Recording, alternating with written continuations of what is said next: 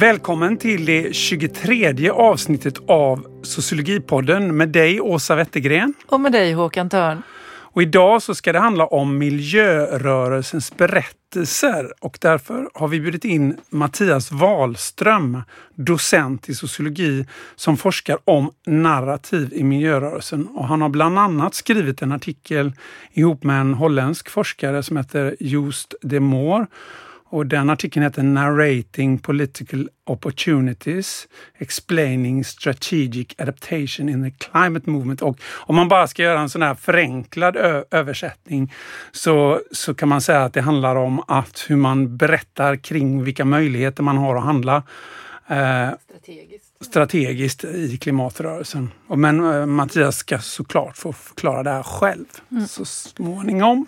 Men idag är du också gäst Håkan. Eftersom du tillsammans med Karl Kassegård, vår kollega på institutionen, här nyligen gett ut boken I apokalypsens skugga, miljörörelser och industrikapitalism 1870 till 2020. Ja, men du kanske kan, det kanske kan vara lämpligt att du då introducerar dagens ämne lite brett? Innan jag presenterar dig som gäst, yes, så gör vi. um, Miljörörelser i någon form har ju då funnits sedan industriell exploatering av naturresurser började tillämpas i stor skala under andra halvan av 1800-talet. Och i det här tidiga skedet så var det också tydligt hur miljöfrågan handlade om social rättvisa. 1800-talets rovdriftskapitalism exploaterade ju såväl människor som djur och natur lika, drivna av det som du, Håkan bland annat, och Kassegård i er bok kallar exploateringens naturintresse, som förklaras i boken som citat, den systematiska exploateringen av naturen som ytterst är grundat i ekonomiska intressen. Slut citat. Och som diskuterades i den här sociologipoddens allra, allra första avsnitt där Karl Kassegård intervjuades så hade också Marx och Engels tidigt span på hur just kapitalismen som ekonomiskt system hängde ihop med exploatering av naturen. Och du och Karl Kassegård hävdar ju då i er bok att det exploaterande naturintresset har hegemonisk status, alltså att det är, den, det är liksom som en naturaliserad eller självklar världsbild i den kapitalistiska ekonomin. Så det ska vi återkomma till. Bra. Ja, och innan vi gör det så tänker jag att eh, Johan Rockström, eh, som då är klimatforskningens svar på Svante Pääbo i bemärkelsen Klimatforskningens rockstjärna kanske? ja, Om vi ska klimat, köra en Göteborgsvits här. Ja, men precis. Klimatforskningens rock, eh, rockstjärna, absolut, Rockström. Och chef för Potsdaminstitutet för forskning om klimatets påverkan. Han larmade förra veckan tillsammans med kollegor om att sex av nio planetära gränser har passerats. Det gäller alltså gränserna för biologisk mångfald, markanvändning, det vill säga användning av jordbruk och skogsmark, vattenutnyttjande, övergödning med kväve och fosfor och klimatet som ju då handlar om koldioxidutsläpp i första hand. Begreppet planetär gräns började användas av Rockström med flera 2009 och handlar om gränser för biosfärisk resiliens, alltså motståndskraft, inom vilka mänskligheten kan fortsätta utvecklas och blomstra i generationer, som, som Rockström då uttrycker det. Eh, ej överskridna gränser är partikelförorening, eh, alltså små partiklar i atmosfären, havsförsurning och ozonförtunning. Ja, och där är ju just ozonförtunningen ett bra exempel på att det faktiskt går att Precis. med hjälp av politisk handling hejda miljöförstöringen. För att man lyckades ju faktiskt i anslutning till det här Montrealprotokollet då, eh, mm. som var en internationell överenskommelse som, som fick stater att agera och eh, förbjuda freoner då. Mm, och freoner eh, fanns ju på den tiden liksom i allt från sprayflaskor till kylskåp och så, ja, men det så, har alltså fasats ut. Så det var väldigt många sen eh, mm. på 00-talet när klimatfrågan kom upp till exempel i, i Köpenhamn eh, som hoppades på att man ganska snabbt och handlingskraftigt också kunde nå en sån överenskommelse. Eh, Gällande koldioxidutsläpp. Ja, men mm. tyvärr. Mm. Nej, men det fortsätter, kampen fortsätter kan man säga och um, det som är intressant med de här gränserna då som ju då diskuterats fram och tillbaka och som just handlar om människans överlevnad på jorden, det är ju att, att den här eh, artikeln som eh, forskarna Rockström med flera då har publicerat och som var orsaken till det här larmet som gick runt i media i förra veckan. eh, i en tidskrift som heter Science Advances. Där har de för första gången kvantifierat alla gränserna och tidsbestämt de som överskridits. Och det mm, faktiskt lite sorgliga då är ju att gränsen för biologisk mångfald överskreds redan i slutet på 1800-talet. Mm. Uh, och det förvånar mig i och för sig inte när man låter har... ödesdigert. Uh, många, många djur uh, som vi så att säga nästan har ett kollektivt minne av, till exempel den här amerikanska vandringsduvan och så. Den, uh, de utrotades. Inte att förglömma dronten. Och dronten, precis. Ja, ödesdigert är det och för att citera den här DN-artikeln som rapporterade om detta eh, förra veckan. Man kan läsa om det, vi kommer lägga en referens eh, i poddavsnittet på den. Eh, så betyder det inte att vi är på väg mot en säker kollaps, men att det är mycket, mycket allvarligt. Och framförallt är det då grenen vi själva sitter på som mänsklighet som sviktar betänkligt. Eh, I ljuset av detta är det ju då såklart också deppigt att DN förra veckan eh, rapporterade att de globala subventionerna av olja och gas är på en historiskt hög rekordnivå och att sommaren 2023 är den i särklass, eller var den i särklass varmaste som hittills uppmätt på norra halvklotet. Gäller alltså månaderna juni, juli, augusti. Ja, det är därför man kan få känslan av att man lever i parallella verkligheter nästan. Ja, precis. Och i fredags inleddes en aktionsvecka för klimatet. Det kommer märkas med demonstrationer i Sverige och världen över. Och i helgen så sprayade Letzte generation, generation, det vill säga sista generationen i Tyskland, en grupp, en klimataktivistgrupp, röd och orange färg på Brandenburger Tor. Men tyska myndigheter slår till ganska hårt mot miljöaktivism nu. Um, och behandlar det här som sabotage och eventuellt terrorism. I Sverige så demonstrerade bland annat Greta Thunberg och Fridays for Future på Mynttorget i Stockholm. Greta ställs nu inför rätta för andra gången i år på grund av ohörsamhet mot ordningsvakter efter en protestaktion i Malmö. Då kan man skjuta in där att mm. även i Sverige skärps ju lagarna. Ja, precis. Eh, alltså eh, civil olydnad som de här aktivisterna ägnar sig åt har ju eh, historiskt sett i Sverige betraktats som ohörsamhet mot eh, o, o, ordningsmakten i domstolarna. Men nu har man även börjat eh, döma för sabotage då som Precis. exakt samma handling. Det är liksom symptomatiskt att vi på något vis eh, vill döda budbäraren här i den här eh, krisen som vi befinner oss i. Men det intressanta är också att Greta då, hon gick ut i en protestaktion i Malmö eh, som hon nu ställs inför rätta för. Eh, igen då med, för ohörsamhet mot ordningsmakten. Um, men hon gick ut på denna samma dag som hon hade fått sin dom för, för samma förseelse då i början på sommaren. Och det är också någonting som vi ser att liksom, klimataktivister tar, tar detta. Liksom. Men um, man kan då säga att sedan början på 2000-talet så har för miljörörelsen klimatfrågan blivit den allt överskuggande frågan. Men den hänger ju samtidigt då ihop med alla andra miljöfrågor eller de här planetära gränserna. Så det kan vara lite förvirrande. Ibland pratas det om klimatrörelsen, ibland om miljörörelsen. Men precis. det kan vi kanske komma in på. Jag tycker ja, att det är dags att eh, bjuda in eh, Mattias Wahlström nu till samtalet. Välkommen Mattias! Tack så mycket! Du har då, som vi var inne på här, tillsammans med din kollega Jos Demore skrivit om betydelsen av narrativ, alltså berättelser i miljörörelsen. Eh, för att förstå eh, hur rörelsen lägger upp sina kollektiva handlingsstrategier. Förklara! Ja, då kan man säga att vi tittar då på berättelser och berättande som någonting ganska så konkret som pågår i en, i en grupp som, eller en bredare miljö egentligen som en social rörelse Vi kanske ska eh, gå in djupare på den frågan också om, om vi vill senare. Eh, men vi har alltså tittat på eh, två internationella protesthändelser kan man säga. Eh, dels protesterna som jag tror du nämnde Håkan där eh, i samband med klimattoppmötet i Köpenhamn 2009. Eh, och sen kopplingen mellan de protesterna kan man säga och klimattoppmötet i Paris 2015. Och vi tittar på hur erfarenheten av att protestera i samband med Köpenhamnstoppmötet ledde till eh, berättelser som sen ledde till ett sätt att förstå hur man skulle agera eh, och protestera i samband med Paris-toppmötet sex år senare. Man kan väl säga, tillägga det att 2009 förväntade man sig ett, ett, globalt avtal som inte blev av men det blev av sen 2015 i Paris fast inte på samma sätt riktigt. Nej, Eller? precis. Det blev ju en, en, eh, en svagare typ av, av avtal som hängde ihop med enskilda länders frivilliga åtaganden kan man säga. Så det, det stämmer. För det, och det är precis det som, som blev den dominerande berättelsen inom klimatrörelsen. Att man hade haft väldigt högt ställda förväntningar på Köpenhamnsavtalet som aldrig blev eh, och att man skulle kunna påverka detta genom sina protester.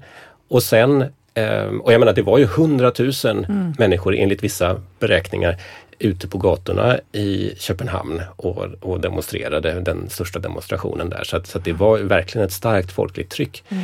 Men sen så blev det aldrig riktigt något avtal och det blev en slags som ofta beskrevs som en slags baksmälla inom klimatrörelsen. Det var många som beskrev hur de helt enkelt gav upp och slutade engagera sig eller, eller ägnade sig åt annat eller så. Eh, och den här baksmällan den var man lite rädd för inför Paris-toppmötet. För som sagt den dominerande berättelsen var vi hade höga förväntningar, vi gick in, vi protesterade, Sen gick det inte som vi trodde och så tappade vi energin och det var inte bra för klimatrörelsen för att man hade några år där när, när det inte hände så mycket. Eh, I alla fall inte i den här stora skalan. Och det var man väldigt rädd för. Så därför så, så bytte man strategi och man, man valde till exempel att inte förlägga någon stor demonstration innan mötet som man hade haft innan eh, och inte tyngdpunkten heller under mötet utan tyngdpunkten skulle ligga efter mötet som ett svar. För man sa så här, men vi vet att det kommer att gå åt skogen. Vi vet att ni inte kommer att komma fram till något avtal. Så då ska vi ha en slutdemonstration där vi ska ehm, klaga på allt som inte har gått bra och istället peka framåt mot den fortsatta kampen. Det var det som man, man då valde att fokusera på. Vi kommer gå in på lite mer i detalj vad, vad den här artikeln handlar om. Men först vill jag också säga välkommen då till Håkan Dahl. som tillsammans med kollegan Carl Kastegård eh, som alltså intervjuades i Sociologipoddens allra första avsnitt har skrivit en historisk analys av miljörörelsen och sedermera klimatrörelsens stora berättelser. Och hur de båda enar och splittrar och hur de både enar och splittrar rörelsen. Och ni har specifikt tittat på Japan och Sverige. Förklara. Ja, ja vi, skriver, vi försöker skriva, eh, bidra till en, en, en historieskrivning kring miljörörelsens långa historia och då går vi tillbaka till 1870 och i de här två länderna då. Vi försöker förstå miljörörelsens utveckling också i ljuset av industrikapitalismens historia. För det industriella genombrottet sker ju också ungefär vid den här tiden.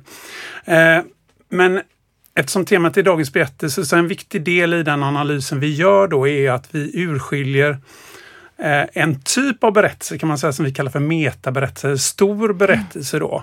Och det är en berättelse som in, inom en social rörelse har funktionen att förklara, i det här fallet då eftersom det är miljörörelsen, alltså vad, vad är, eh, vad handlar miljöfrågan om? Mm vem eller vilka är orsaken till miljöförstöringen? Den har också funktionen att vägleda eh, rörelsen i sina handlingar och även att mobilisera nya anhängare. Och vi urskiljer då under den här, de här 150 åren så att säga, som miljörörelsen har funnits då, alltså tre sådana stora berättelser som har uppstått under olika perioder men som idag så att säga, samexisterar. Och den första är då, kallar vi för det gröna framsteget. Och idag känner vi den som typ ekomodernism, alltså att, att man, grunden i den är ju egentligen att att man säger att vi kan fortsätta ungefär som vi har gjort. Eh, vi kan fortsätta ha ett tillväxt, en ekonomi som bygger på tillväxt. Eh, om vi bara så att säga, anpassar den till miljön. Och, det, och den uppfattningen fanns redan i Naturskyddsföreningen bara på 1900-talet. Så att det, är liksom, det är där den uppstår. Sen den andra berättelsen kallar vi för apokalypsens berättelse och den etableras ju egentligen på 60-talet när den så kallade nya miljörörelsen uppstår då och det var ju lite med inspiration från Rachel Carsons Tyst vår. Mm. Men också faktiskt med inspiration från antiatomvapenrörelsen. Där man, och det viktiga där är på något sätt att apokalyptiska berättelser har funnits i, funnits i västerländsk kultur länge men här hänvisar man till vetenskap då som eh, pekar på att människan har utvecklat en samhällsform som faktiskt riskerar att underminera mänsklighetens existens på jorden. Mm. Den tredje berättelsen som vi menar får genomslag i alltså de senaste tio åren egentligen kallar vi för den postapokalyptiska eh, berättelsen och den till skillnad från den apokalyptiska berättelsen då så, så, så säger den att katastrofen ligger inte framför oss eh, utan katastrofen har redan börjat. Mm. Katastrofen pågår. Mm. Och det får då lite olika konsekvenser för, alltså de här tre berättelserna får ju olika konsekvenser för hur man väljer att lägga upp sina strategier så att säga mm. och det kan vi ju kanske komma in på då. Mm. Och det finns vissa likheter då mellan era båda egentligen att eh, rörelsen lär sig liksom av eh, skeenden och så fast ni tittar på det stora historiska skeendet och du tittar på ett lite kortare perspektiv, Mattias. Men vad, vad skulle ni säga själva, vad, i vilken bemärkelse, alltså vad är skillnader och likheter mellan era sätt att prata om berättelser här för miljörörelsen? Ja, men som jag började prata om eh, inledningsvis så, så har vi då kanske ett lite mer, som jag tolkar det, eh, konkret sätt att titta på berättelser. Alltså berättelser som någonting som individer och grupper grupper eh, berättar för varandra och hänvisar till, som vi har observerat i samtal till exempel under eh, strategimöten mm. eller liknande. Eh, när man berättar om hur det gick eller man ibland då kanske bara på ett väldigt kortfattat sätt skapar en en liksom kortversion av en berättelse. Man mm. säger så här, vi vill inte ha ett Köpenhamn igen. Mm. Och då står Köpenhamn, det står liksom, det blir som ett litet paket som man skickar som står för hela den berättelsen som, som alla förväntas förstå. Då. Vad, vad, vad, betyder det när man säger att vi vill inte ha ett Köpenhamn igen? Så att vi tittar ganska mycket på just den här eh, pågående förhandlingen och där det också kan finnas liksom dynamiker där olika grupper faktiskt har lite olika berättelser. För det var till exempel inte alla som hade exakt samma berättelse som den dominerande berättelsen efter Köpenhamn, utan det här var någonting som blev, som vi kallar det för, streamlinat, alltså det blev mm. lite som eh, eh, mer enhetligt efterhand. Då. Mm. Men det fanns grupper som eh, sa att nej men vi tyckte ändå att det gick ganska bra. Vi fick jättemycket följare efteråt och, och vi ska köra på och, mm. sådär.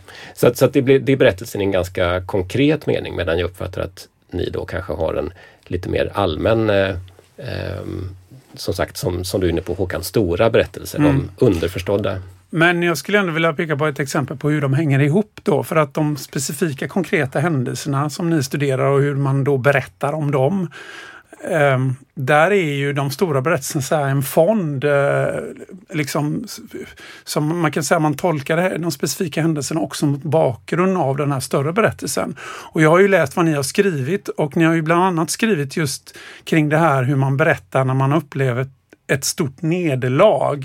Alltså efter Köpenhamn var det ju många som helt förlorade hoppet om att vi skulle kunna göra någonting och hoppet om miljörörelsens liksom eh, möjliga framgång så att säga. Men då har ju ni pekat på att, eh, att man kunde liksom ta till en sån här narrativ figur som säger att på något sätt att eh, eh, vi har ändå historien på vår sida så att säga. Och det skulle jag vilja säga är liksom kopplat till en stor berättelse som har sina rötter i, inte minst i arbetarrörelsen, här tron på att historien framskrider eh, av nödvändighet mot ett visst mål. Så att när arbetarrörelsen led ett nederlag så menade man ändå, men, men i det långa loppet så är historien på våran sida. Arbetarklassen mm. kommer att segra. Och det var ett sätt så att säga att överleva det specifika nederlaget då. Ja precis Håkan, det är ju, när du säger ar arbetarrörelsen så syftar du egentligen då på den socialistiska marxistiska ar arbetarrörelsen. För det var de som av, eh, genom Marx teorier då hade fått den här, eh, det man kallar för historiematerialistiska idén om att ja. så småningom så kommer de olika samhällstillstånden att leda fram ja, till och, Men det gäller ju även socialdemokratin i alla fall fram till 1930-talet. Så att säga. Fast vi kanske, som är marxister. Men, ska vi hålla oss till ja. miljörörelsen? ja, vi gör det. Vad är, vad är i så fall det, det är liksom den, den typen av deterministisk perspektiv i miljörörelsen? Ja, men det jag tänker som är specifikt för miljörörelsens berättelser eh, till skillnad från många andra sociala rörelser, det är ju att, att det finns den här eh, akuta känslan. Mm. Där man inte känner att man har lång tid på sig. Till skillnad från till exempel kvinnorörelsen eller arbetarrörelsen eller demokratirörelser så kan man inte känna så här att okej, okay, vår generation kanske misslyckas med att uppnå det vi vill. Men våra barn kanske kommer att lyckas eller våra barnbarn kanske kommer att lyckas.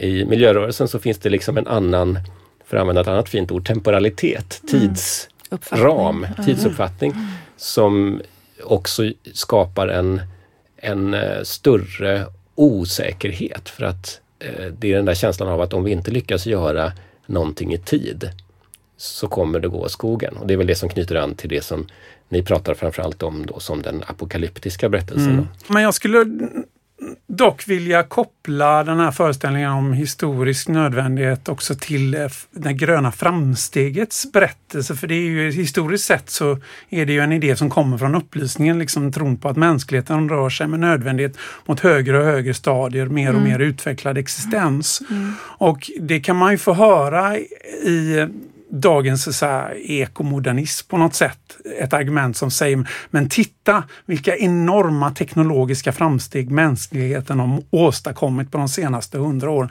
Det är klart att vi kan fixa den här eh, klimatkrisen mm. med hjälp av den enorma eh, teknologi som vi har utvecklat. Liksom. Och det, under det finns ju en, en föreställning om att Alltså mänskligheten rör sig framåt med hjälp av framförallt tekniken skulle man kunna säga. Mm.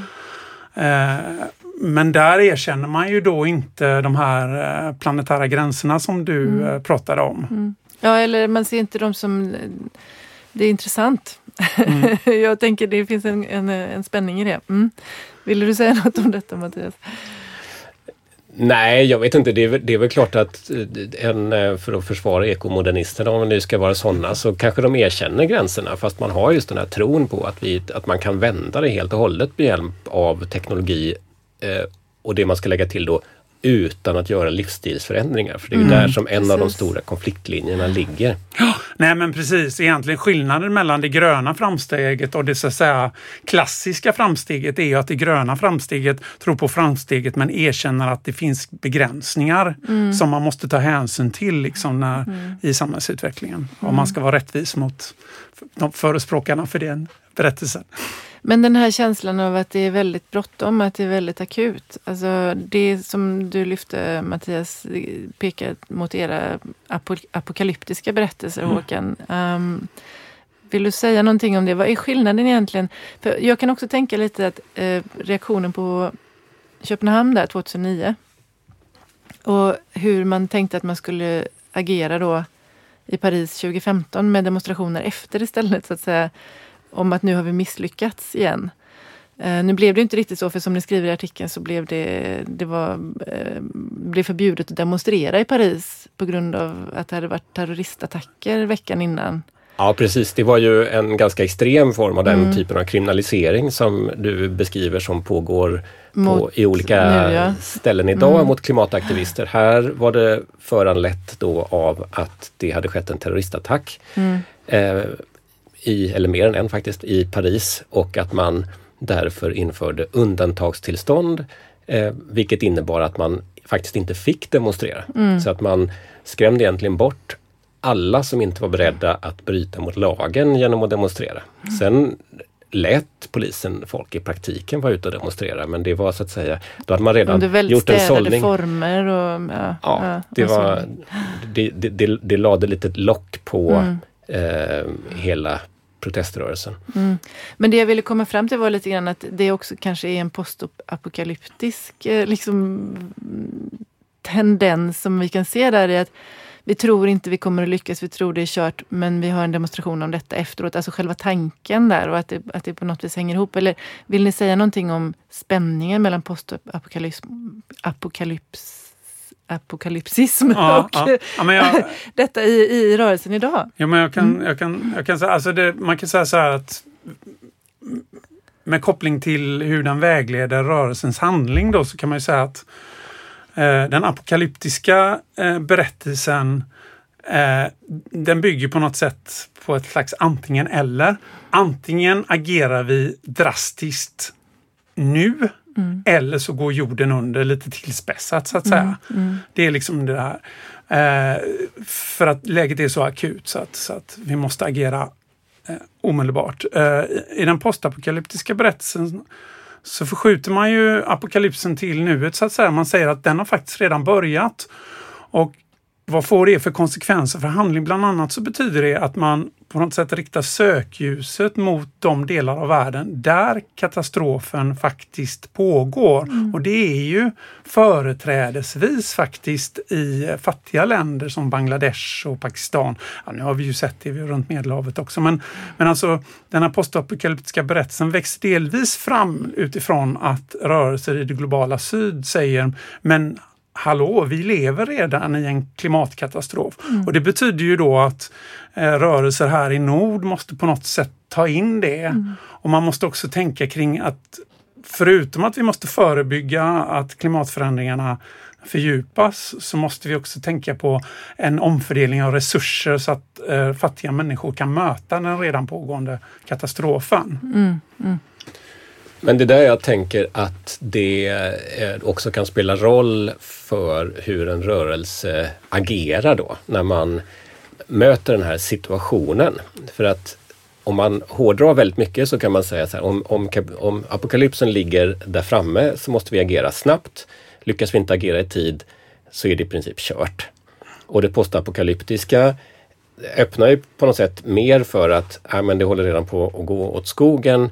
Eh, och då kan man dra lite olika slutsatser av det. Vissa eh, drar kanske slutsatsen att ja men då eh, då får vi sörja eh, och de, de, har du studerat mm. Åsa närmare då. Eh, och inte, att vi egentligen inte kan göra så mycket eh, utan mest titta på när, när saker faller, faller i bitar. Eller så kan man säga så att ja, vi har en moralisk skyldighet att åtminstone markera vårt avståndstagande från det som håller på att hända så att man är ute och, och protesterar. Eh, och det tredje, och det är väl där som jag kan tycka att, att det, det, är viktigt att tänka på de här olika aspekterna som du håller fram Håkan, Håkan som någonting som är eh, vad ska vi säga, väldigt renodlat. För att jag tänker att många klimataktivister tänker nog någonstans emellan det du beskriver som Absolut. apokalyps och postapokalyps. För att mm. um, det är inte bara, alltså man tänker på apokalypsen så är det ju liksom en händelse och sen är sjunde inseglet brutet och så kommer de sju ryttarna och så, mm. och så mm. eh, utplånas mänskligheten. Medan um, här kan vi eventuellt prata om att det kan gå riktigt illa och det kan gå riktigt, riktigt, riktigt illa. Mm. Eh, så det kan fortfarande finnas en, en bortre tidsgräns för när vi passerar nya planetära gränser, gränser eller mm. tipping points eller vad man nu vill. Liksom. Eller vad vi väljer att göra med de gränser som vi redan har ja. passerat, om vi försöker göra någonting åt det. Och då spelar det fortfarande roll eh, för miljörörelsen i den meningen att man då försöker att ändra på samhället mm, eh, mm. på olika sätt fortfarande. Man har liksom inte givit upp helt och hållet utan mm. man erkänner att det redan pågår men man eh, kämpar ändå för att det ska bromsas upp lite. Mm. Jag kan ta ett exempel från en aktuell debatt som eh, har pågått i Dagens Nyheter mm. som, som, visar lite på vilka mm. olika konsekvenser man kan dra. Den startades av Sven-Erik Lidman eh, som, som ställde frågan om kapitalismen är hållbar. Och så blev det en debatt och en av debattörerna eh, skrev då att eh, jag håller med Sven-Erik Lidman om att kapitalismen inte är hållbar. Men vi har bara 20 år på oss så vi har inte tid mm. att montera ner kapitalismen. Mm. Och det är typiskt, tycker jag då, eh, resonemang utifrån att apokalypti, alltså vi har 20 år på oss innan apokalypsen kommer. Därför måste vi liksom lägga allting annat åt sidan och bara fokusera på vissa saker. Ur ett postapokalyptiskt perspektiv, om, om, om eh, katastrofen redan pågår, då faller ju det argumentet. Det finns ju ingen anledning varför vi inte skulle påbörja nedmonteringen av kapitalismen om vi nu anser att det är det som är nödvändigt för att åtminstone eh, liksom hejda vidare fördjupning av klimatkrisen. Mm. Men um, jag tänker på um, det här med du nämnde sorg där Mattias. Ni skriver ju också lite om det Håkan, du och Karl, att det finns olika känslor kopplade till de olika berättelserna. Mm. Uh, vill du utveckla det lite? Ja, eh, lite kort då, men om, om man tar det här gröna frams... Alltså alla berättelserna jobbar ju med hopp, för Mm, hopp är ju mm, nödvändigt för, mm. att, för att handla. Liksom. Det här handlar ju om handlingsorienterade berättelser. Och i den framstegsorienterade, där kan man ju säga att det finns en spänning mellan hopp och visshet, som, där man liksom känner visshet baserat på den här tanken om historiskt nödvändigt. Vi, framsteget är med oss, så att säga. I, i, I den apokalyptiska handlar det ju primärt om rädsla och hopp. Det vill säga att den här rädslan inför den annalkande katastrofen som man då ska omvandla till handling och hopp så att säga. Och i, som Mattias nämnde här i den, i den eh, postapokalyptiska berättelsen så är det väldigt mycket en relation mellan sorg och, och hopp. Alltså att eh, där är det ju, kan man säga, ett, ett slags handlingen uppstår ett slags trots allt. Alltså att eh, vi måste se verkligheten som den är. Vi måste erkänna att katastrofen pågår men ändå inte ge upp hoppet så att säga. Kan man säga att det också finns en vrede och frustration? Alltså du var inne på det här, man kämpar ändå Mattias. Eh, fast det är kört så kämpar vi för att eh, på något vis visa att det händer. Ja, precis. Eh, Och det där återknyter ju kanske också lite grann till eh, våra, en annan av våra huvudpoänger i den här artikeln som, som jag och Jos de Moor hade skrivit då. Så, så pratar vi ju, alltså utgångspunkten där, det är ju att eh, sociala rörelser, alltså protestmobiliseringar och sånt där, de påverkas av vilka möjligheter man ser att påverka det politiska systemet. Eh, och att man agerar i alla fall hyfsat rationellt då, så att säga. Så man riktar in sig åt det håll där man ser möjligheter och man eh, riktar inte in sig åt det håll där man inte ser möjligheter. Ehm, då, och då, som jag var inne på tidigare, så kan man ju tänka sig att om man inte tänker att det finns några möjligheter, att ja, politikerna kanske möjligen lyssnar men det är för sent att göra någonting. Ja, då, då spelar ju inte den mekanismen så stor roll längre. Eh, för då, då kanske man bara protesterar av ren principfasthet så för att man vill just markera sitt avstånd. Men om man fortfarande tänker att det spelar roll, då har det ju fortfarande betydelse och det är då man också, som vi är inne på, att man drar slutsatser av eh, av att prova olika protestmetoder och se vilka får genomslag och vilka får inte. och så. För man tror fortfarande på att det går att göra någon typ av förändring. Även om katastrofen redan pågår så, så finns det ännu värre grader av katastrof. Ännu eh, djupare cirklar i, i eh, helvetet eller hur man nu vill se det. Ja, det, är, det, det är ändå bara skjuta in, ja, viktigt liksom att skilja, för det finns liksom i en litteratur, en postapokalyptisk litteratur som är helt löskopplat från rörelsen där, där det bara blir en slags eh, där det bara blir ett sörjande och en passivitet eh, där man säger ja men nu kan vi bara dra oss tillbaka och invänta liksom, Odla slut. våra tomater. Det, det definitiva slutet så att säga. Men här handlar det ju om ändå om en berättelse som är en handlingsorienterad berättelse. Vad kan vi göra i ljuset av att katastrofen faktiskt pågår? Mm. Vi, vi har ju skrivit om det, jag och en kollega Jochen Kleres också, att hopp genereras genom att arbeta kollektivt. Så att det, det kan vara ett, ett mål i sig att göra de här kollektiva protesterna tillsammans därför att det genererar hopp i en Precis, situation. det blir performativt Ja, syn på alltså att hoppet föregår inte handlingen som vi tänker. Först kommer hopp och då kan vi handla. Mm. Utan Men ibland så det snarare genereras hopp av handling. Precis. Att vi, och trots framförallt kollektiv samlar- handling. Så. Vi samlas och att Mm. vi samlas genererar hopp.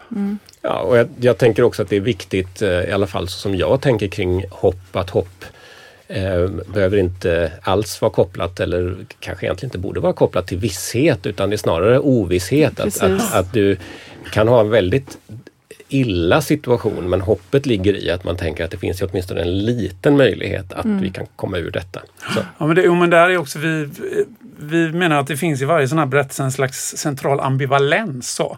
Och i den framstegsberättelsen är det just det här med visshet, då, alltså att de står lite i motsättning till varandra. Liksom att, att, eh, precis som du säger. Och på samma sätt så kan ju i den apokalyptiska berättelsen rädsla och hopp stå i motsättning. Ja, framförallt till så varandra. hanterar man ju rädsla genom att generera hopp genom att vara jobb, jobba kollektivt. Så att säga. Det är det vi, vi hade skrivit om. Men det här. finns ju en... eh, Men, mm, Ja, men jag tänker det, det Precis som Mattias, och vi var ju alla tre här på plats som forskare i Paris 2015 och studerade Mm. miljörörelsen. Och, och det är en sak eh, som vi då, som lite ledde oss till det här spåret in på att uppmärksamma berättelser var ju just att själva rörelsen debatterade eh, vilka berättelser som rörelsen skulle berätta. Mm. Och det fanns det de som var företrädare för det här gröna framsteget så att säga, som kritiserade eh, apokalyptikerna, om man mm, får kalla dem mm. så. Liksom för att, ja men om ni liksom säger att katastrofen kommer snart, då kommer ni bara skrämma folk och det blir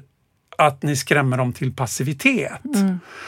Men det intressanta där var ju på något sätt att Eh, ur den diskussionen uppstod ju sen så, så Fridays for Future.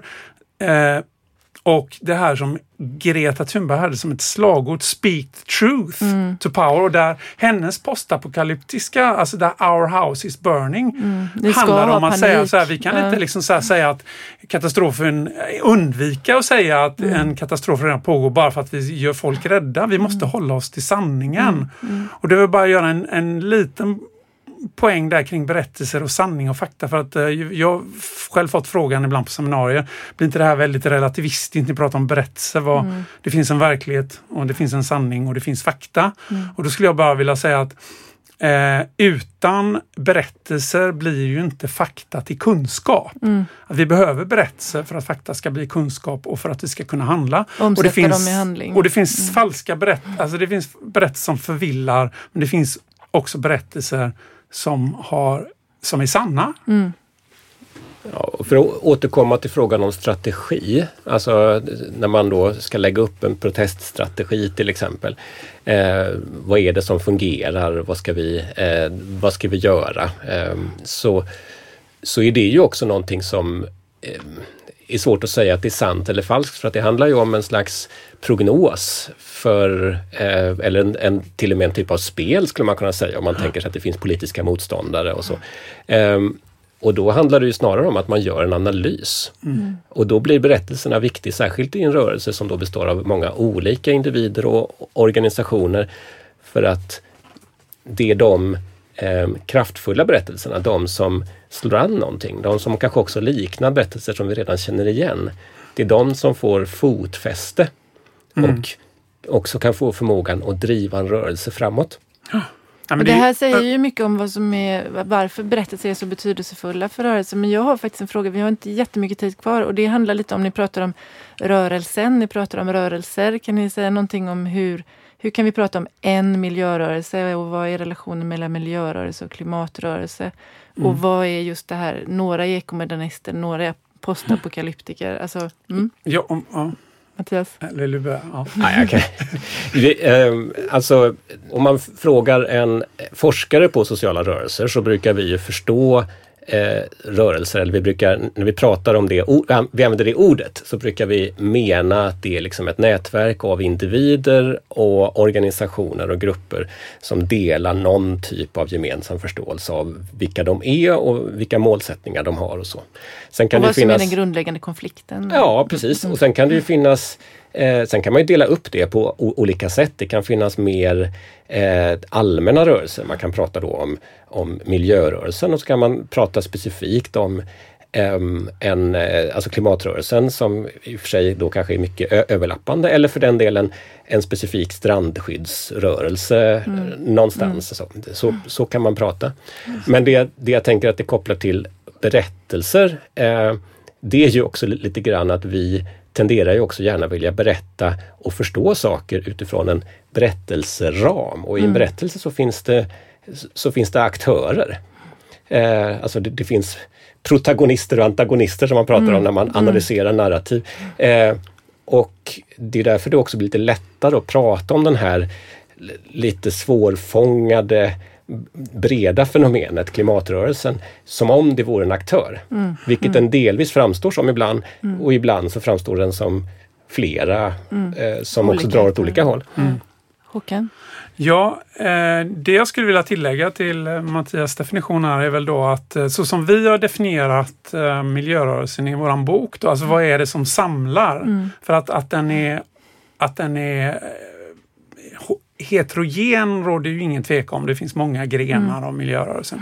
Men det som de, miljörörelsen har som gemensam nämnare, det har ju att göra med en konflikt som du pratade, mm. nämnde Åsa. Och det är ju då att alla är eniga i att göra motstånd mot exploateringens naturintresse. Mm, mm. Det här att för, att för, för ekonomisk vinning. Ja, ja där, där naturen blott och bart ses som ett medel mm. för ekonomiska intressen. Mm. Sen när det gäller det här med förhållandet mellan eh, miljö och klimatrörelsen kan jag också tillägga till vad Mattias sa att att eh, man kan se det som två cirklar som delvis överlappar varandra för att inom miljörörelsen är ju klimatfrågan en av flera eh, miljöfrågor. Sen mm. har klimatfrågan tenderat att bli dominerande. Men sen kan man se att klimatrörelsen är också lite bredare eftersom det finns aktörer som ingår i klimatrörelsen som inte har ingått traditionellt i, i miljörörelsen som till exempel fackföreningar, inte så mycket här i Sverige men i USA mm. och en del andra eh, europeiska länder. Mm. Så man kan se klimatrörelsen väldigt mycket som en rörelse av rörelser som eh, alltså Naomi Klein myntade det uttrycket för den globala rättviserörelsen som där, där många olika rörelser som egentligen har olika agender samlas kring en minsta gemensamma nämnare. Så att säga. Och där kan man ju också se utvecklingen som fortgår uh, och som vi kan se uh, i samtiden när vi spelar in den här podden också då att uh, man pratar väldigt mycket om klimaträttvisa.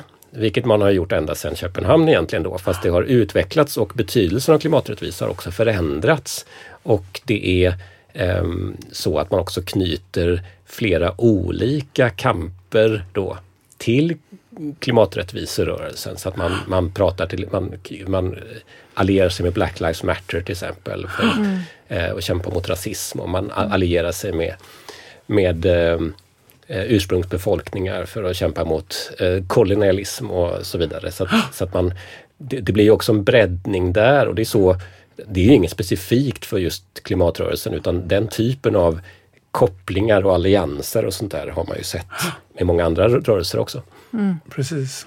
Men ska vi be... Det här är jättespännande tänker jag. Men ja. jag vill bara kort sätta nu frågan vad kan, vad kan lyssnarna ta med sig i sin vardag och de här väldigt, väldigt stora frågorna och det som ni har forskat på?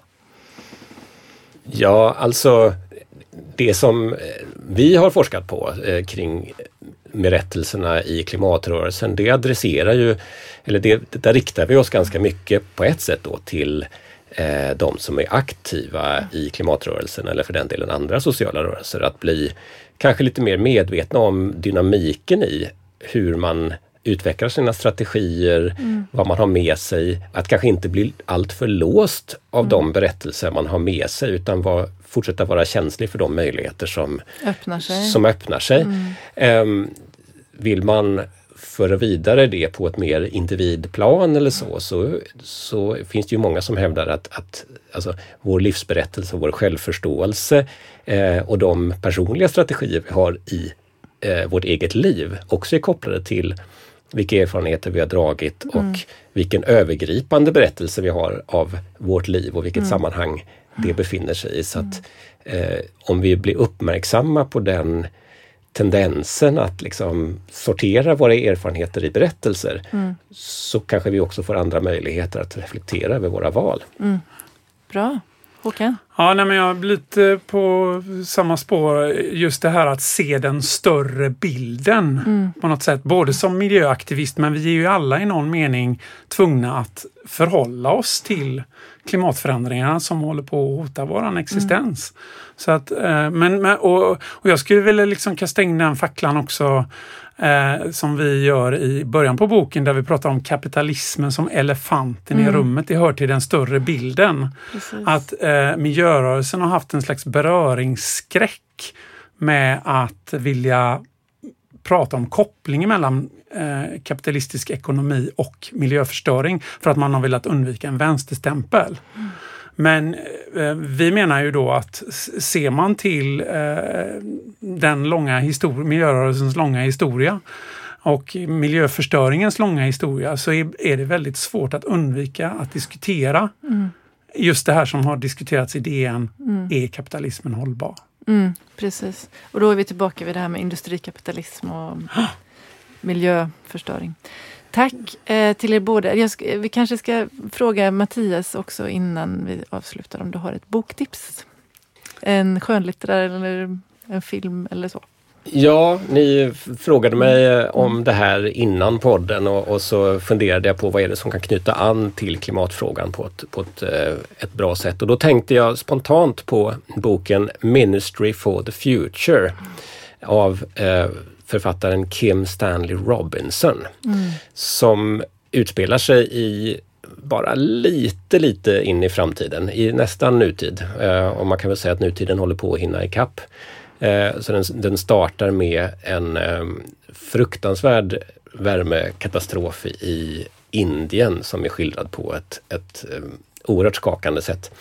Eh, som vi inte riktigt har sett ännu men som vi tyvärr mycket väl kan komma att se eh, mm. väldigt snart. Men då inrättas ett internationellt ganska tandlöst ministerium för framtiden då där man ska eh, försöka bidra till lösningar på just klimatproblematiken. Men det som gör den här boken spännande det är att eh, Kim Stanley Robinson är väldigt påläst över olika idéer om vad som kan göras. Och i romanformen då så presenterar han en del av de idéerna. Så att om man då, alltså det, det är en bok som både är hopplös och hoppfull på en och mm. samma gång skulle man kunna säga. Bra, tack! Jättebra tips! Tack till er båda och tack till dig Mattias som, ja. för att du kom hit idag. Tack så tack. mycket. Hej då. Hej då. Hej. Då är det dags för vårt boktips. Och idag är det du som har valt Håkan. Vad har du valt? Jo, jag har valt en bok som heter Det radikala hoppet. Mod och mening i en kulturkollaps av Jonathan Lear. Den kom ut på engelska 2006 och på svenska i år, alltså 2023. Vem är Jonathan Lear? Han är född 1948 och är professor på filosofiinstitutionen vid University of Chicago. Och eh, tidigare också verksam vid Cambridge och Yale. Han är också praktiserande psykoanalytiker och Eh, har skrivit essäer om filosofi och psykoanalys och en bok om Freud. Vid sidan av två böcker om Aristoteles och en om kärlek och dess förhållande till naturen. Bland mm. annat ska jag säga för att han har skrivit eh, dussintal böcker. Mm, intressant. Har du något citat? Yes, här kommer här. Detta liv är på väg att försvinna. Därför inser jag att vi inte längre vet vad vi kan hoppas på eller sträva efter. Saker kommer att förändras på ett sätt som vi inte ens kan föreställa oss idag. Det enda vi med säkerhet vet är att vi inte kan fortsätta att hantera framtiden som förut. Mm. Slutcitat. Och det är översättning av Svenja Hums. Okej, eh, men är det här ett citat av, eh, är det han själv som säger detta, Jonathan eller? Uh, nej, uh, det är faktiskt ett citat av ett citat av ett citat. Hängde okay. du med där? Uh, nah, nej, men förklara. Okay. Det är Jonathan Lear som citerar en hövding mm. för ett urfolk i Nordamerika. Mm. Hövdingen hette Plentikos. Och det citatet finns i sin tur i en bok om hövdingen Plentikos eh, som eh, intervjuades på 1920-talet av en man som hette Frank B Linderman. Han var jägare, trapper och cowboy. Eh, och eh, Plenticus tog själv initiativet att vända sig till en vit man för att berätta sin eh, livshistoria. Han valde då den här Lindeman som skrev en bok och den boken eh, av Lindeman om Plenty Coup är den källa som Jonathan Lear då använder för att resonera och filosofera kring temat mod och mening i en kulturkollaps. Okej, eh, men då växer frågan, vem var den här hövdingen då? Plentikos?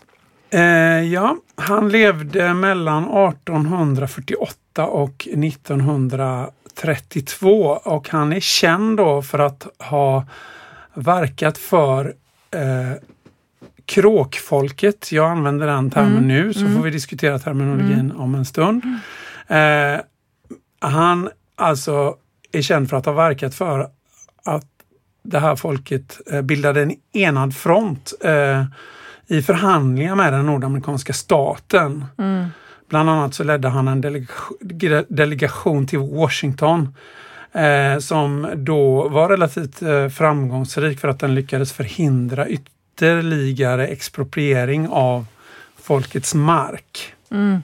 Men du, apropå det här med namn då, benämningar, du sa något om... Eh, Ja, det, det finns ju, alltså för det första då, Jonathan Lear eh, använder eh, termen indian. mm, Eh, och för det första då så vet vi ju att termen indian den skapades ju av Columbus. ja.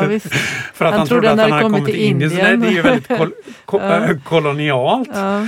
Eh, sen eh, när det gäller då kråkfolket då.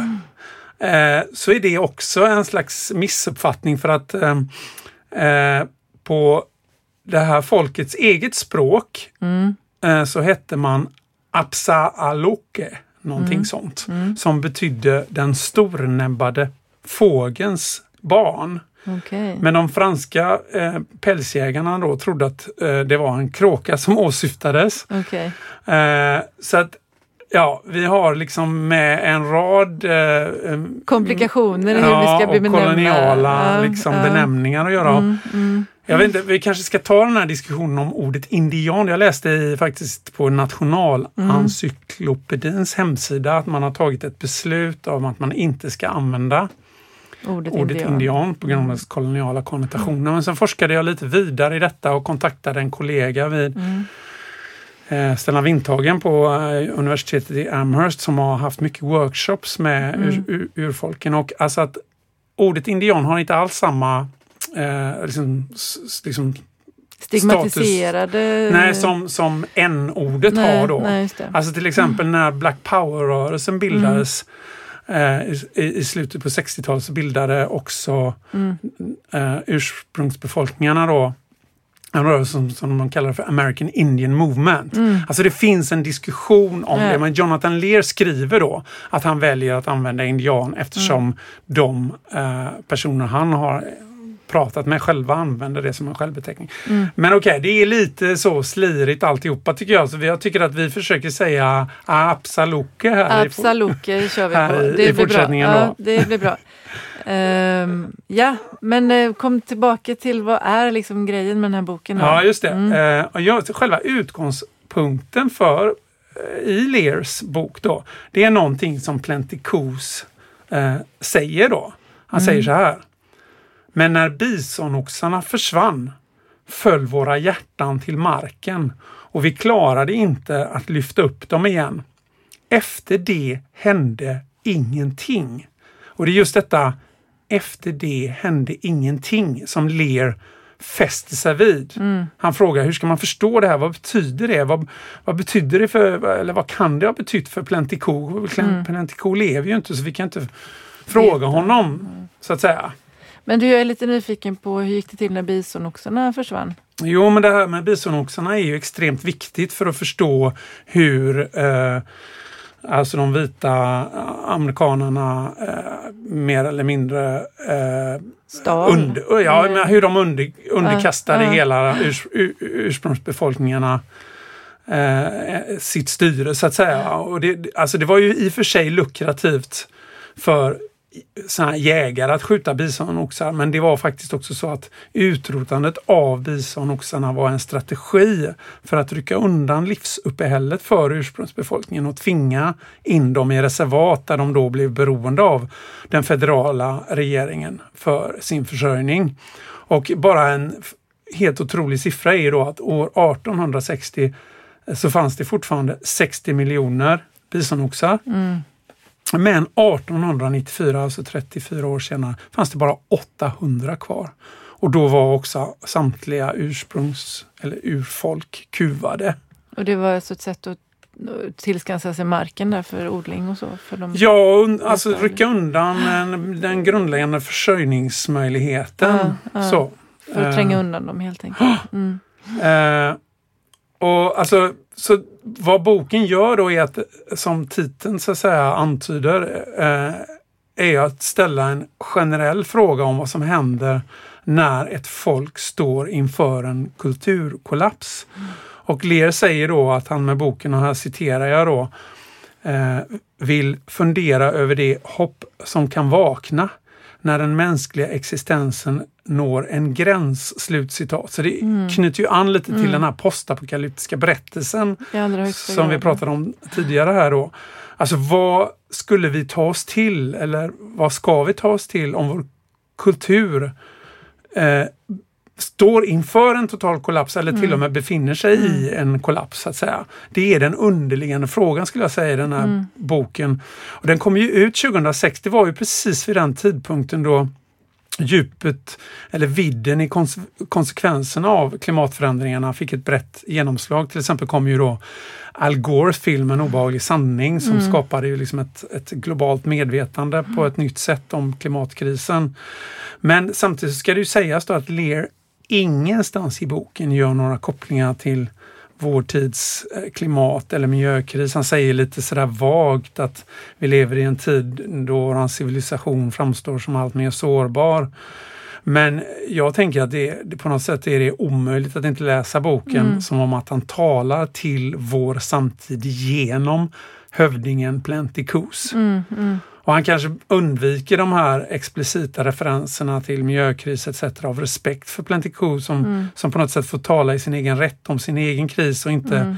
underordnas i att vara ett exempel på något annat. då. Mm, mm. Men han, Lear nämner ju klimatkrisen i sin senaste bok som heter Imagining the End, Morning and Ethical Life, alltså att mm. föreställa sig slutet, sörj, sörja, sörjande och det etiska livet. Okej. Okay.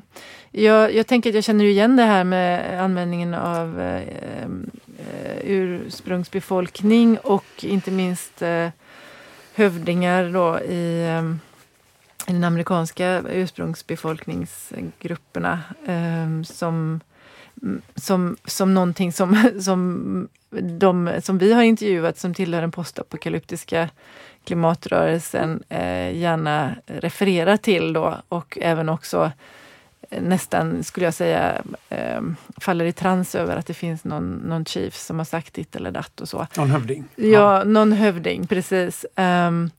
Och, och, du... en, och, ändå är ju detta någonting som, alltså jag, jag, jag kan inte hjälpa att jag får en sån där lite äcklig smak i munnen eller, eller du, känsla av att Du menar att det är ett kolonialt... Det, eh, det, är ett kolonialt grepp, det är ett sätt att liksom dra upp de här och göra dem till exempel för vår tid eller, eller hitta några lösningar. Men så har man ju ändå varit med i den kultur som har utrotat de här folkslagen jo. eller deras livsbetingelser. Ja men du har ju helt uh, rätt i din misstänksamhet uh, tycker jag, jag och jag, jag delar den. Alltså för jag menar det här den är ädle vilden. Mm. Det har ju funnits mm. med i västerländsk kultur sedan upplysningen, sedan Rousseau och, ja. och det var ju faktiskt också eh, liksom eh, just folk från amerikanska ursprungsbefolkningen som, fick, som gjordes till kritiker av den, eh, av, av den mm. europeiska civilisationen mm. i, i upplysningstänkarnas eh, texter. Liksom. Ja, och, och, och, det har ju kritiserats mm. för att liksom eh, vara ett sätt att liksom projicera en västerländsk fantasi mm. på ett kol koloni koloniserat folk. Som ändå inte har inneburit att man har ändrat sitt beteende speciellt Nej. mycket utan det har liksom bara varit där som någon slags exotisk ja, alternativ. Jag, så. Mm. Och jag menar, jag är skolad i postkolonial teori så jag är helt med dig mm, där. Jag gick mm. in också med den misstänksamheten. Men, men man får ju också säga då att Alltså det finns en utveckling också nu inom, alltså av postkolonial teori som heter de dekolonial teori och där mm. har man ju också ändå på något sätt betonat att man inte kanske får kasta ut barnet med badvattnet i den mm. meningen att de koloniserade folken utvecklade egna kunskapsformer som, som kan vara intressanta i sin ja. egen rätt. Precis. Och där det ju naturligtvis också kan jag menar, många urfolk befinner sig ju idag på frontlinjen av klimatförändringar. Så, så här, våra samiska befolkningar mm. i Sverige är ett exempel på det.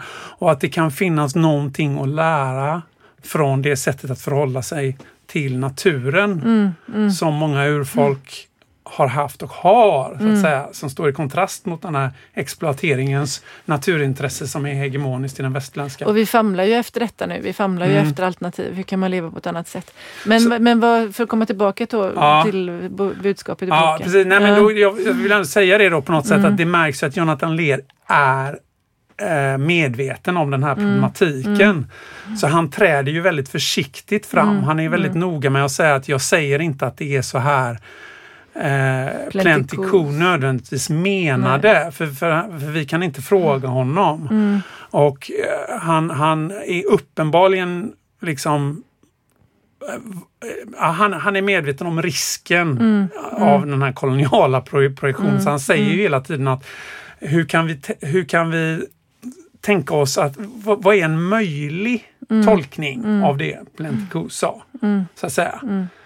Eh, Och vad menar han då med att ingenting hände? Ja, just det. Eh, och det är ju, alltså där tar ju Lear avstamp i den här grundläggande, alltså filosofiska, antropologiska och även sociologiska insikten att en händelse, det är inte bara något som händer så att säga, utan det är något som händer som har mening. Mm. Och Lear citerar då antropologen Marsha Salin som säger att först när händelsen införlivas med och genom ett kulturellt schema får den historiskt sett en innebörd. Och det här kopplar ju till vad vi pratar om berättelsernas Mm. betydelse. Precis. Eh, en enskild händelse får mening först genom att ingå i en större meningsfull berättelse. Och då poängen här då är ju på något sätt att eh, Absalokes eh, sätt att leva var oupplösligt förbunden då med bisonoxen samt även med en krigarkultur som fanns. Mm. Han var ett, alltså ett nomadjägare och krigarfolk och, Mm. och den eh, livsformen var i upplösning. Mm. Eh, och eh, De såg ingen då- framtid för den. Nej men alltså Mm. den berättelsen slutade ju att vara Meningsfull. meningsbärande eller Mm. meningsfull. Alltså, eh, och det är, den, det är ju det man eh, det, det är på det sättet man ska Mm. förstå Mm. det här menar Ler då i alla fall. Att efter det eh, hände ingenting då. Mm. Okej. Eh, och och vad, liksom, vad kan vi, så att säga, vad, vad, tro, alltså, vad kommer det radikala hoppet in här? i? Ja, eh, ja alltså jag tror, jag skulle också, alltså jag tror en annan sak som man eh, måste nämna då om eh, som Lear lyfter fram i Absalokes kultur då är drömmarnas betydelse. Mm. Och det här är faktiskt den, eh, den, den andra boken på kort tid som jag läser där författare påpekar att eh, drömmarnas betydelse i flera urfolk eh, i Amerika har, har, har släktskap med psykoanalysens syn på drömmar. Här är ju Lear psyko, psykoanalytikern Mm. Ja, det. som talar också. Men, Ja. men alltså det är också faktiskt en, eh, bok av David Wengrow, David Graeber som, eh, som heter Början på allt, en ny historia om mänskligheten. Där de faktiskt också kritiserar just den här idén om den ädle vilden för övrigt. En viktig... Mm. Men de menar där att eh, huronfolket ansåg att drömmar kunde uttrycka, uttrycka omedvetna önskningar hos drömmaren och att det fanns en ritual där drömmaren berättade sin dröm och att man sedan kollektivt ägnade sig åt drömtydning. Då. Mm, Så att det här är ju mm. likt då med att Freud Mm. ansåg att drömmar uttryckte omedvetna önskningar och att psykoanalysens samtal kunde blottlägga Mm. detta. Då. Mm. Och, och då, Lear menar ju då att även Absaloke då så, såg drömmar som en reaktion på mänskliga eh, ön, önskningar. Mm. Eh, men också att den gav tillträde till en andevärld då. Mm. Eh, och genom att få tillträde till den så kunde man expandera sitt vetande om världen. Och Mm. ofta så uppmanade man unga personer eh, att eh, ta ett svettbad, alltså Mm. Bada bastu. Mm. Eh, och ge sig ut i naturen och drömma. Och det gjorde Plenticon när han var väldigt ung och han Mm. hade en dröm där som eh, Ja, jag ska inte dra hela den, men den handlade om en bisontjur och det var Mm. en stor f- liksom, flock av bisonoxar och plötsligt var de borta och Mm. sen var det en gammal man som berättade något för honom. Och man kan säga så här att den tolkning då som de äldste sen gjorde när han kom tillbaka och berättade den här eh, drömmen är att Plentico hade fått veta att bisonoxarna kommer att försvinna under hans livstid. Och att den vite mannen kommer att ta kontroll över de slätter där bisonoxarna betat. Och att kor kommer att ta dess plats. Tillbaka till det radikala hoppet. Ja, just det. Nej men alltså enligt Jonathan Lear då så använde Plentico den här drömmen då sen när han blev hövding så att säga.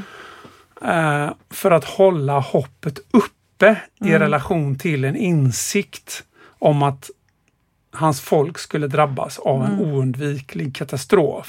Och detta hopp gav honom också då mod att leda sitt folk på ett sätt som skilde sig från andra urfolk. Då. Mm, eh, men som relativt väl, betoning på relativt, slo, eh, liksom slog väl ut. Då. Men, men Leos poäng är att alltså, drömmen bottnar i mänskliga önskningar, farhågor och förnimmelser. Den var en reaktion på en verklighet. Och genom den här kollektiva tolkningsprocessen så kunde den användas som en resurs för att ta sig an verkligheten. Då. Finns det någonting här om att acceptera osäkerhet? Eh, Alltså acceptera att man inte vet, det händer ingenting. Ja, jo men precis. Alltså, det är det som är lite definitionen av det radikala hoppet då, som du frågar efter här. Eh, alltså att acceptera osäkerhet i ljuset av något som är säkert, det vill säga kulturens kollaps. Det är, det är någonting vi vet. Men i övrigt vet vi ingenting. Och det är det som är utgångspunkten för det radikala eh, hoppet. Alltså bortom den här insikten om kulturens kollaps så ligger allting egentligen i mörker eller i apokalypsens skugga då kanske. Och det är Eh. faktiskt, skulle jag säga, en definition av hur man ser på hopp i den postapokalyptiska rörelsen. Man, man vet säkert att det kommer gå åt pipan men vi vet inte alltså, hur eller... Nej. Ja, man får precis. acceptera den osäkerheten. Mm. Eh, och ja, så att det, det, det, det Plentico egentligen vet är att ingenting kommer att bli som förut.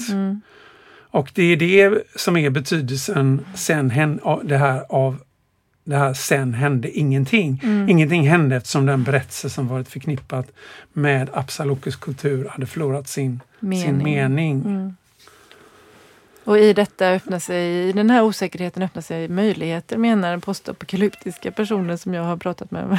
Ja, ja. men eh, man kan ju fråga sig, skapades inte en ny berättelse? Men det är Mm. Jo. någonting som, som Lear egentligen inte går in på. Han är inte, för det gjordes det ju naturligtvis. Mm. Den här Absaloke finns ju idag. Och, De eh, finns och, kvar. och sådär, men, men det går han inte in på. Han är främst intresserad av just det här tillståndet som råder Mm. Vid insikten om att man står inför en, en kollaps. Då. Innan nya tolkningsramar har, eller nya berättelser har, har Ja, har exakt. kommit. Så att- Hur Mm. f- kan man då förhålla sig?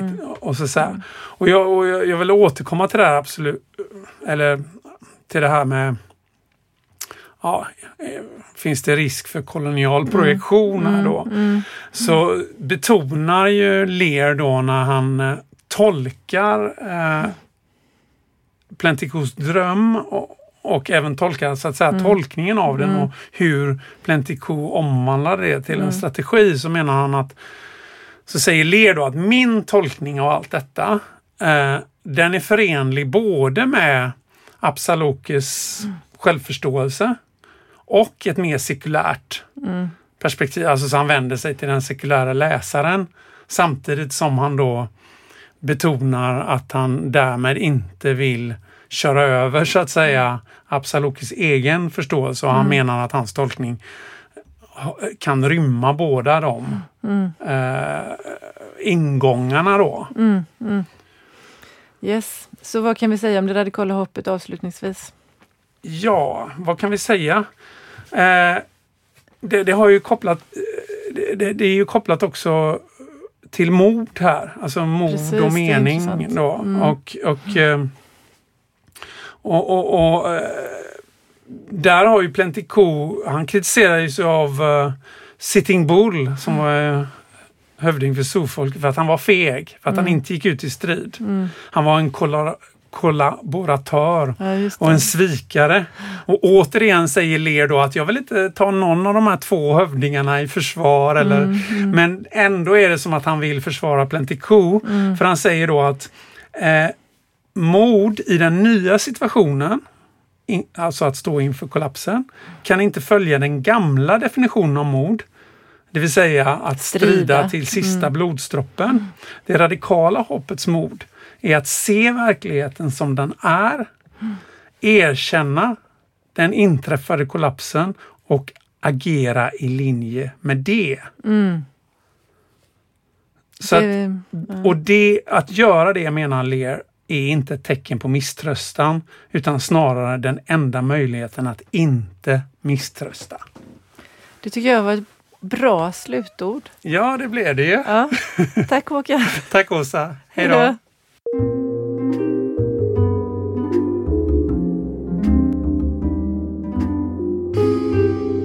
Den här podden finansieras med stöd av Adolf Bratts föreläsningsfond och av Institutionen för sociologi och arbetsvetenskap vid Göteborgs universitet.